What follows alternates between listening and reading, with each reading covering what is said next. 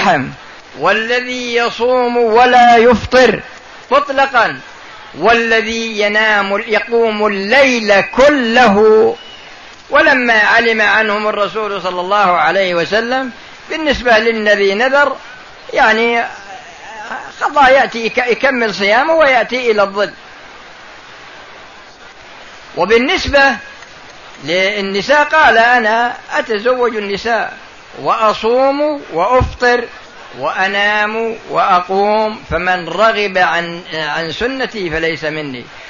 فالمقصود أن الشخص قد يهلك نفسه قد يظلم نفسه فيسلك مسلك الإفراط في الأعمال الصالحة ويكون ظالما لنفسه. وقد يسلك مسلك التفريط ويكون مقصرا. في أمور عباداته. يكون مقصرا في أمور عباداته. فيكون ظالما في الحالة الأولى ويكون ظالما في الحالة الثانية لكن إذا سلك مسلك العدل ومسلك الوسط يكون قد سعى في نجاة نفسه. والثالث هو الظلم الذي يحصل منك على الناس. لأن فيه ظلم قاصر وفيه ظلم متعدي وهذا باختلاف الناس. هذا باختلاف الناس. فقد مثلا يصدر الظلم من الإنسان بحكم ولايته بصرف النظر عن نوع الولاية فيكون ظالما من ولاه الله أمره. يقول الرسول صلى الله عليه وسلم اللهم من ولي من أمور أمتي شيئا فرفق بهم فارفق به. ومن ولي من أمور أمتي شيئا فشق عليهم فاشقق عليه. فإذا شق عليهم فهو ظالم لهم. إذا شق عليهم فهو ظالم لهم. وهذا يندرج فيه كل شخص ولاه الله أمرا من أمور المسلمين. بدءا من أول درجة من الولايات البشرية إلى آخر درجة من الولايات البشرية كلكم راع وكلكم مسؤول عن رعيته فالإمام راع ومسؤول عن رعيته والرجل راع في بيته ومسؤول عن رعيته والرجل والمرأة راعية في بيت زوجها ومسؤولة عن رعيتها والعبد راع في مال سيده ومسؤول عن رعيته. ألا فكلكم راع وكلكم مسؤول عن رعيته. فأنت يا عبد الله إذا كنت ممن تولى أمرا من أمور المسلمين احذر أن تكون ظالما لمن ولاك الله أمره. وقد تكون الولاية أيضا من باب الوصايا أو من باب نظارة الوقف أو من باب ولاية الأيتام أو ما إلى ذلك. فحينئذ يعني المهم هو أن تحذر أن يصدر منك ظلم لأحد فإنه مكتوب في صحائف أعمالك. هذه هي أنواع الظلم يعني ظلم بينك وبين الله وظلم بينك وبين نفسك وظلم بينك وبين الناس وظلم بينك وبين الناس. يبقى بعد ذلك ما هو المخرج من الظلم. الحقوق ثلاثة. يعني الحقوق تنقسم ثلاثة أقسام. حق خالص لله وهذا لا يملك أحد أن يتنازل عنه. وحق مشترك بين العباد وبين الله وهذا لا يملك أحد أن يتنازل عنه فيما يخص الله جل وعلا. وقسم ثالث حق للمخلوقين. فأنت إذا كان إذا كان الظلم الذي حصل منك في حق الله أو في الحق المشترك بين الله وبين خلقه فهذا لا يملك أحد أن يتنازل عنه ولكن الأمر بينك وبين الله جل وعلا. يقول الله جل وعلا في سورة الأنفال قل للذين كفروا إن ينتهوا يغفر لهم ما قد سلف وإن يعودوا فقد مضى سنة الأولين. ويقول يا عبادي الذين أسرفوا على أنفسهم لا تقنطوا من رحمة الله إن الله يغفر الذنوب جميعا إنه هو الغفور الرحيم. إلى غير ذلك فتب فيما بينك وبين الله والتائب من الذنب كمن لا ذنب له والتوبة تجب ما قبلها. أما ما كان من حقوق المخلوقين أما ما كان من حقوق المخلوقين فمن سبح منهم بحقه يعني عن المظلمة جزاه الله خيرا. ومن لم يسمح فإن كان الظلم في أمر مالي فإنك ترده إليه. وإن كان من عرض أو غير ذلك من يعني من غير الأمور المالية فإنك تستبيحه إن قدرت أو تدعو له أو تتصدق عنه. أما حقه فهو باق في ذمتك. وإلى هذا إذا من إذا من إذا إذا إذا انصرف الناس من الموقف وانقسموا إلى قسمين أهل الجنة وأهل النار.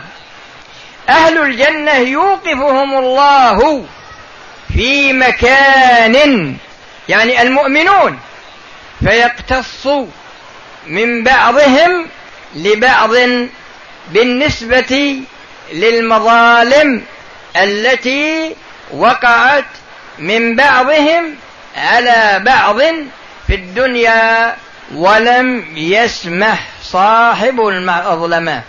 فإذا اقتص الله منهم طريقة القصاص ما هي؟ طريقة القصاص أن الله جل وعلا يأخذ من حسنات الظالم ويعطيها المظلوم. إذا فنيت حسنات الظالم أخذ من سيئات المظلوم وجعلت إلى الظالم. هذه هي طريقة القصاص. فأنت يا عبد الله انتبه لنفسك ما دمت في زمن الإمكان. فإذا الظلم جميع الشرائع متفقة عليه. ما فيه شريعة من الشرائع التي أنزلها الله جل وعلا من آدم إلى محمد صلى الله عليه وسلم. ما فيه شريعة من الشرائع أباحة الظلم. لا قليله ولا كثيره فتبين لنا من هذا معنى الظلم وبيان أسبابه وبيان درجاته وبيان أنواعه وبيان المخرج الذي يخرج معه الإنسان من هذه المظالم وبيان العاقبة إذا لم يسلك مسلك الخروج من المظالم في هذه الدنيا. أسأل الله بأسمائه الحسنى وبصفاته العلى وباسمه الطيب الطاهر الذي إذا دعي به أجاب.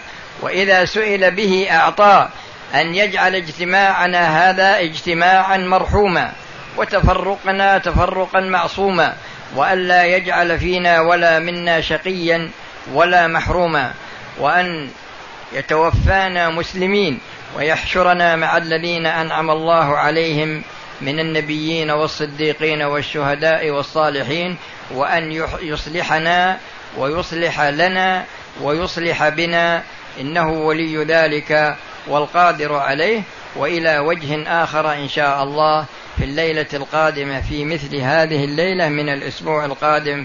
والحمد لله رب العالمين وصلى الله وسلم على نبينا محمد وعلى آله وأصحابه أجمعين.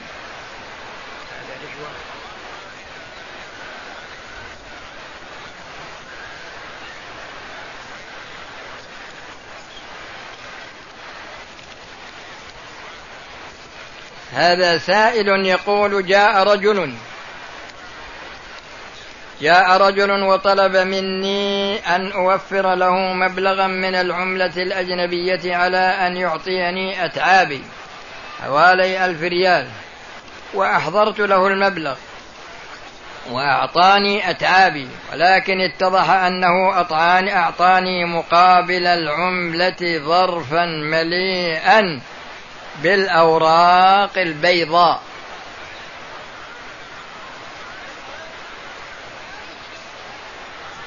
يعني ما شاء الله هذا فقيه فقه ممتاز يعني فقه الغش.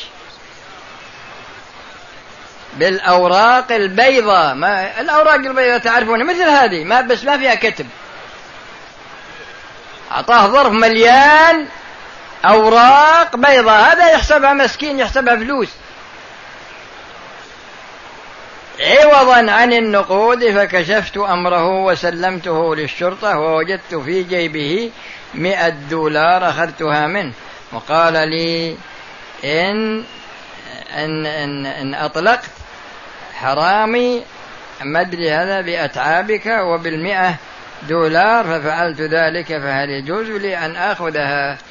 أولا المبلغ الذي وفرته له. هل هو قرض منك؟ فإذا كان قرضا منك فلا يجوز لك. وإذا كنت وسيطا في إقراضه لكنك لم تذكر هذا فيبدو والله أعلم أن هذا قرض منك له وإذا كان ذلك كذلك فلا يجوز أن تأخذ منه ولا فلسا. تعتبرها أتعاب مالك أتعاب. الرسول صلى الله عليه وسلم يقول الحديث اللي فيه من القرض اللي فيه كل قرض جر نفعا فهو ربا. اقترضت مبلغا من المال وفتحت محلا تجاريا وبعد حلول الحول سددت كافة ديوني وبقي لي ربحا يفوق النصاب. السؤال هي تزكيه الله يحبون الفلوس هالناس ما ودهم حتى يزكون. لي قريب اقترض من عم مني عملة مبلغا لشراء سيارة ويقتطع كل شهر جزءا من راتبه فالذي يبقى لا يكفيه وأسرته فهل يجوز لي أن أعطيه مما لا ما يجوز لك تعطيه. تبي تعطيه من مال الزكاة؟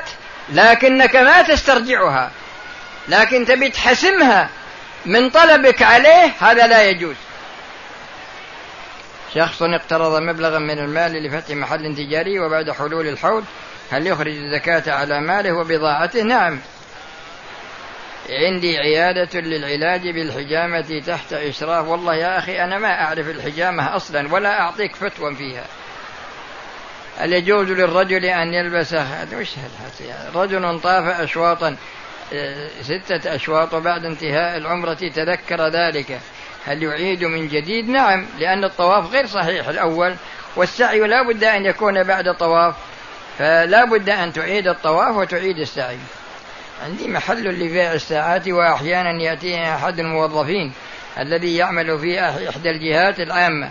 ويطلب مجموعة من الساعات ويقول لي أعطني الفاتورة من غير كتابة. كتابة الأسعار ليزيد في قيمتها ويقول لي زد في قيمة الفاتورة علما أننا ندفع كثيرا من الضرائب والجمرك إلى آخره. الحقيقة أن فيه الآن بعض الناس يشتغل على خطين. خط واضح وخط مخفي. بعض أصحاب المحلات التجارية تجد عنده تقريبا ثلاثة أنواع من الفواتير. النوع الأول الفاتورة التي من المصنع الذي يورد منه. هذه مضبوطة لأن الحساب بينه وبينها عليها. لكن في فاتورة ثانية يخلي المصنع يكتبها. فإذا كانت قيمة المصنع قيمة السلعة في المصنع ألف ريال. قال اكتبها بألفين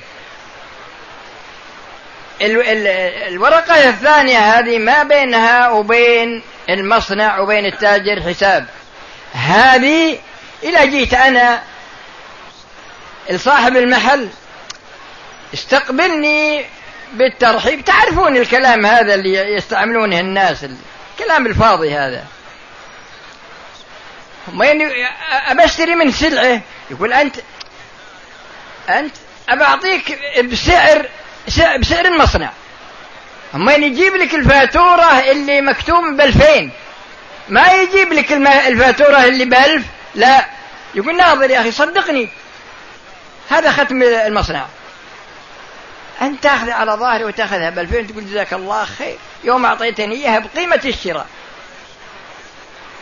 في فاتورة ثالثة أقبح من هذولي. هذه للمغفلين. يحط السلعة صور الختم حق المصنع يوخره. وبعدين شو اسمه؟ لا ياخذ ختم المصنع. وين يكتب السعر ثلاثة آلاف بأربعة آلاف بدل من الألف. ولا جاء بعض الناس اللي هذا يقول شوف هذا هذا تسعير المصنع. أنا جاي من هذا موجود في السوق. أنا مريت واحد بشتري منه السلعة قال لي بألف ومئة. ومريت واحد ثاني وقال لي بثلاثمائة يعني زود ثمانمائة ريال. ما بين ما بين الدكين إلا عشر خطوات. واحد قال لي بألف ومئة والثاني قال لي بثلاثمائة ففيه غش بهذا بهذه المناسبة. فيه غش في الحقيقة في الأسواق ما يعرفه إلا الإنسان اللي جرب من جهة أو يكون حاذق أيضا من جهة أخرى. على كل حال أنا أجبتك. مجموعة من الأشخاص يجمعون مبلغا صغيرا من المال شهريا للضرورة. وصوارف الزمان فهل عليه زكاة؟ نعم يزكون لأنه ملك لهم. وهذا يقول ما هو أفضل الصفوف لغير جهة الإمام؟ كل صف صفوف الحرم أربعة أربع جهات. كل صف فضله بحسب الأول منه.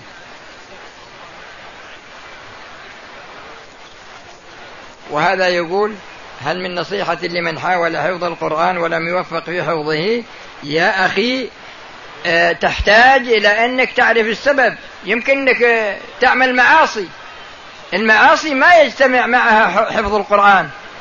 طهر نفسك من المعاصي سواء كان في باب الواجبات أو فعل المحرمات وإذا طهرت نفسك الله تعالى يقول من يتق الله يجعل له من أمره يسرا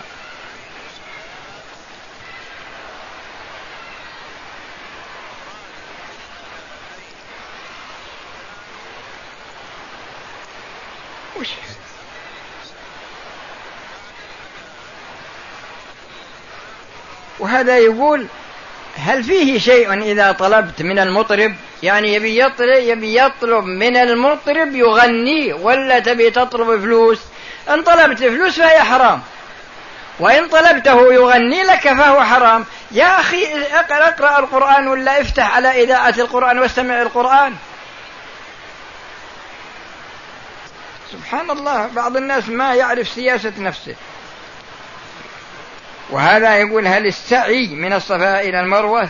ثم العودة للصفا يعتبر شوطا. من الصفا إلى المروة شوط ومن المروة إلى الصفا شوط.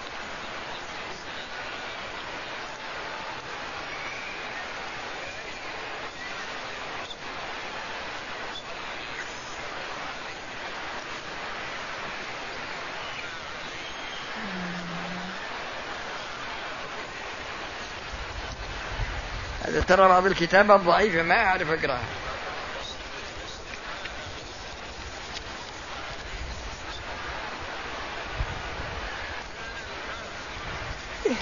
أسئلة كلها بعضها ما لها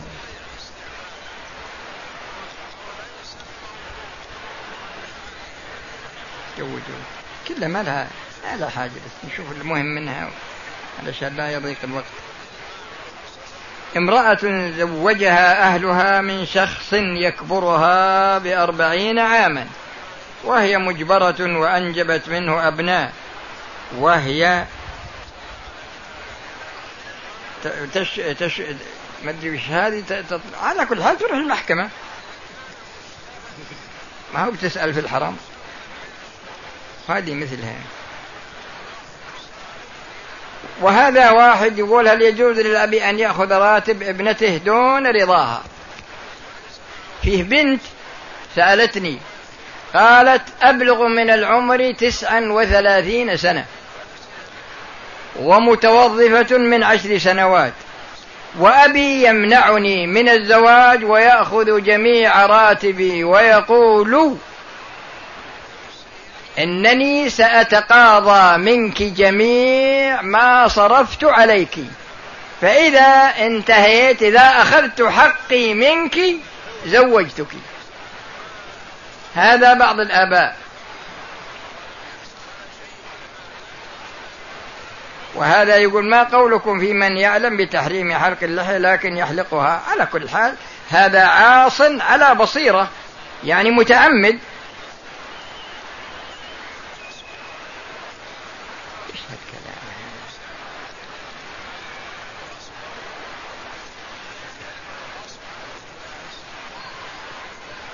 وهذا يقول الإمام يخطب قبل دخول الوقت بعشر دقائق. الغريب سبحان الله في بعض الناس في جماعة المسجد بصرف النظر عن كثرة الجماعة تجدهم يشتغلون في الإمام ويشتغلون في المؤذن. بكر صيف آه، ارفع صوته صوته اليوم خفيف. يعني لازم يشتغلون فيه. هذا من هذا النوع. يا أخي وقت الجمعة الوقت الجمعة لها وقتان وقت جواز ووقت وجوب. وقت الجواز هذا يدخل بدخول وقت صلاة الضحى. ووقت الوجوب يدخل بعد زوال الشمس. أنت كيف تنتقد مثلا وأنت ما عندك بصيرة؟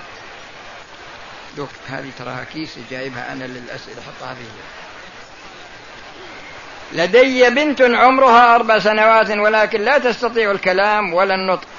وكانت النتيجة من الناحية الطبية والإشعاعات كانت سليمة.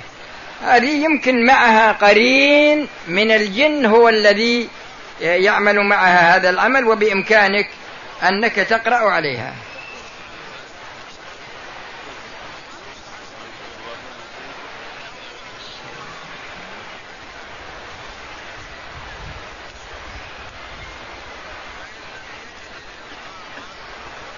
وهذا يقول هل يجوز التحلل من الإحرام في الحج قبل طواف الإفاضة؟ إذا رميت وحلقت تتحلل لكن التحلل الأول. أما التحلل الثاني فلا بد أن يكون بعد الطواف والسعي.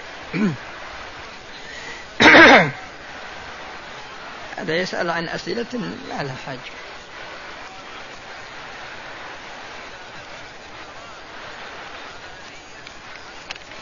وهذا يقول هل يجوز للإمام أن يجهر بالدعاء بعد الصلاة المفروضة ويؤمن المأمومين؟ لا كل واحد يدعو لنفسه. وهذا يسأل أيضا عن الاستغاثة بالأموات هذا شرك أكبر. وهذا يقول أديت عمرة عني ثم ذهبت إلى التنعيم وأديت عمرة عن والدتي. جزاك الله خير. وهذا هذا سؤال يقول مثل واحد الآن يقول هل يجوز الاستعانة بالجن المسلم؟ في فك السحر هذا مثل واحد يقول عندي ساحر ثقة. كيف يكون ساحر مشرك بالله ويكون ثقة؟ هذا مثله. وش هالكلام هذا هي؟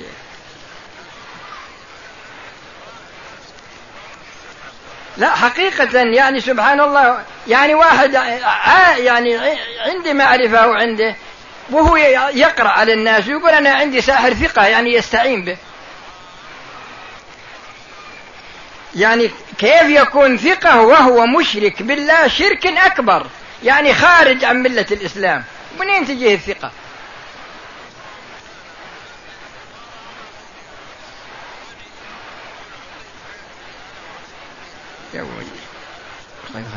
هذا يقول شاب يدرس في الخارج وكانت له مصر من هذه الدولة التي يدرس فيها وكان يجمع من هذا المال لكي يتزوج وقد يحول عليه الحول يا أخي تزكي. وهل يجوز الذهاب إلى الساحر؟ لا يجوز. لأن علشان تفهمون لأن العلاج الأصل فيه الجواز.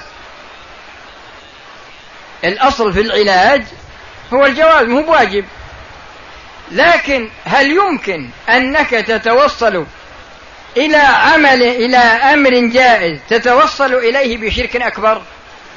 يعني هل هذا معقول؟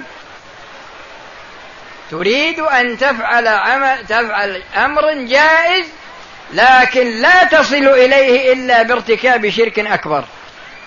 هل يمكن هذا؟ الشرك ما أبيح في جميع الشرائع. أبدا. فالمقصود أنه لا يجوز.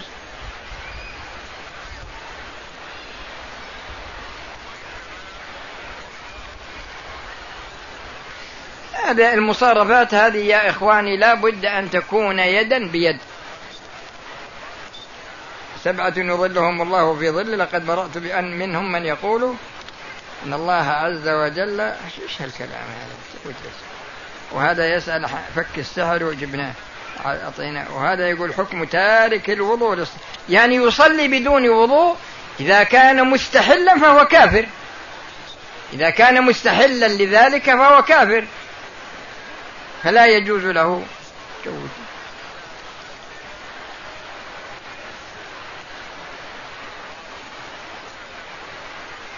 وهذا يقول ما صحة صلاة الرجل إذا جمع بين الصلاتين في بلده؟ يعني بيسافر أذن الظهر وهو في بلده وصلى الظهر والعصر وسافر. هذا ما يجوز. يصلي الظهر أربعا ويصلي العصر في وقتها ركعتين في الطريق. سبحان الله يحبون الناس أنفسهم ما ودهم يكلفون أنفسهم أبد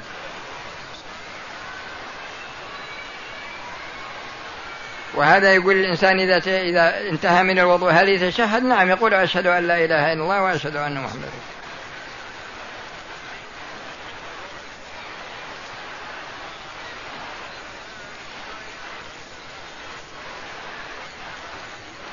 وهذا يقول إذا دعاك شخص والمحل الذي يدعوك إليه فيه مخالفات شرعية. هل يجوز ولا يجوز؟ لا يجوز. تذهب. الله تعالى يقول وإذا رأيت الذين يخوضون في آياتنا فأعرض عنهم حتى حتى يخوضوا في حديث غيره. وإما ينسينك الشيطان فلا تقعد بعد الذكرى مع القوم الظالمين.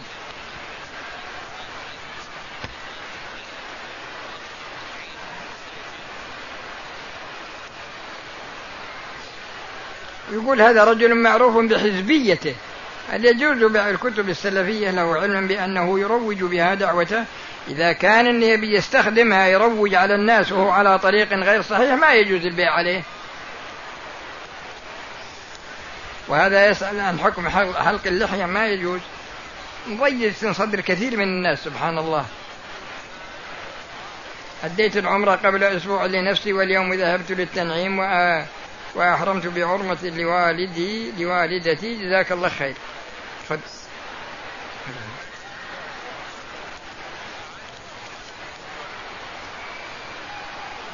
هل يحق للوكيل الشرعي إخراج زكاة أموال إذا كان وكيلا عنهم نعم يخرج الزكاة.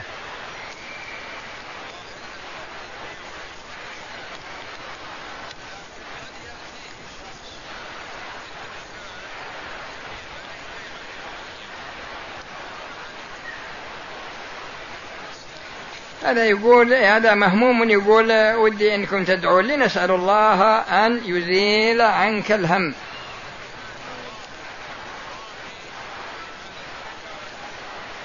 هذا يسأل عن زواج المسيار فيه الآن بعض الناس يشترط على المرأة لا نفقة ولا كسوة ولا سكنى ولا قسم ولا تنجب. خمسة شروط. هل هذا زواج أي فائدة من هذا الزواج؟ لا نفقة ولا كسوة ولا سكنة ولا قسم ولا تنجب. لازم تستعمل أدوية ما تنجب. ويسمي زواج مسيار. هل هذا هل الدين يقر هذا الشيء؟ لكن الناس سبحان الله.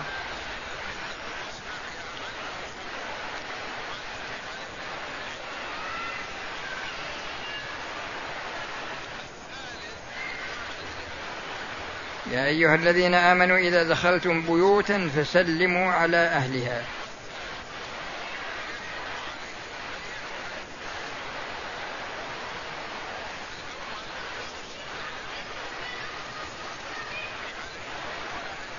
وهذا فاضي ما عنده شغل. يقول هل يجوز النظر إلى النساء في المسجد الحرام؟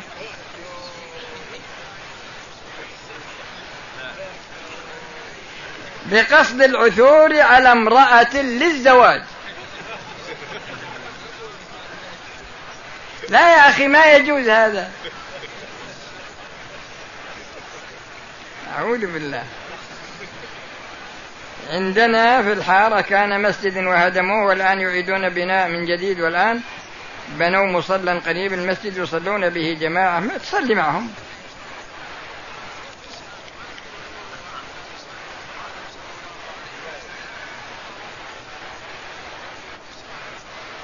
وهذا يقول إن جده متفارق هو جدته بدون طلاق من سبعة عشر سنة ومات هل تعتد؟ نعم تعتد.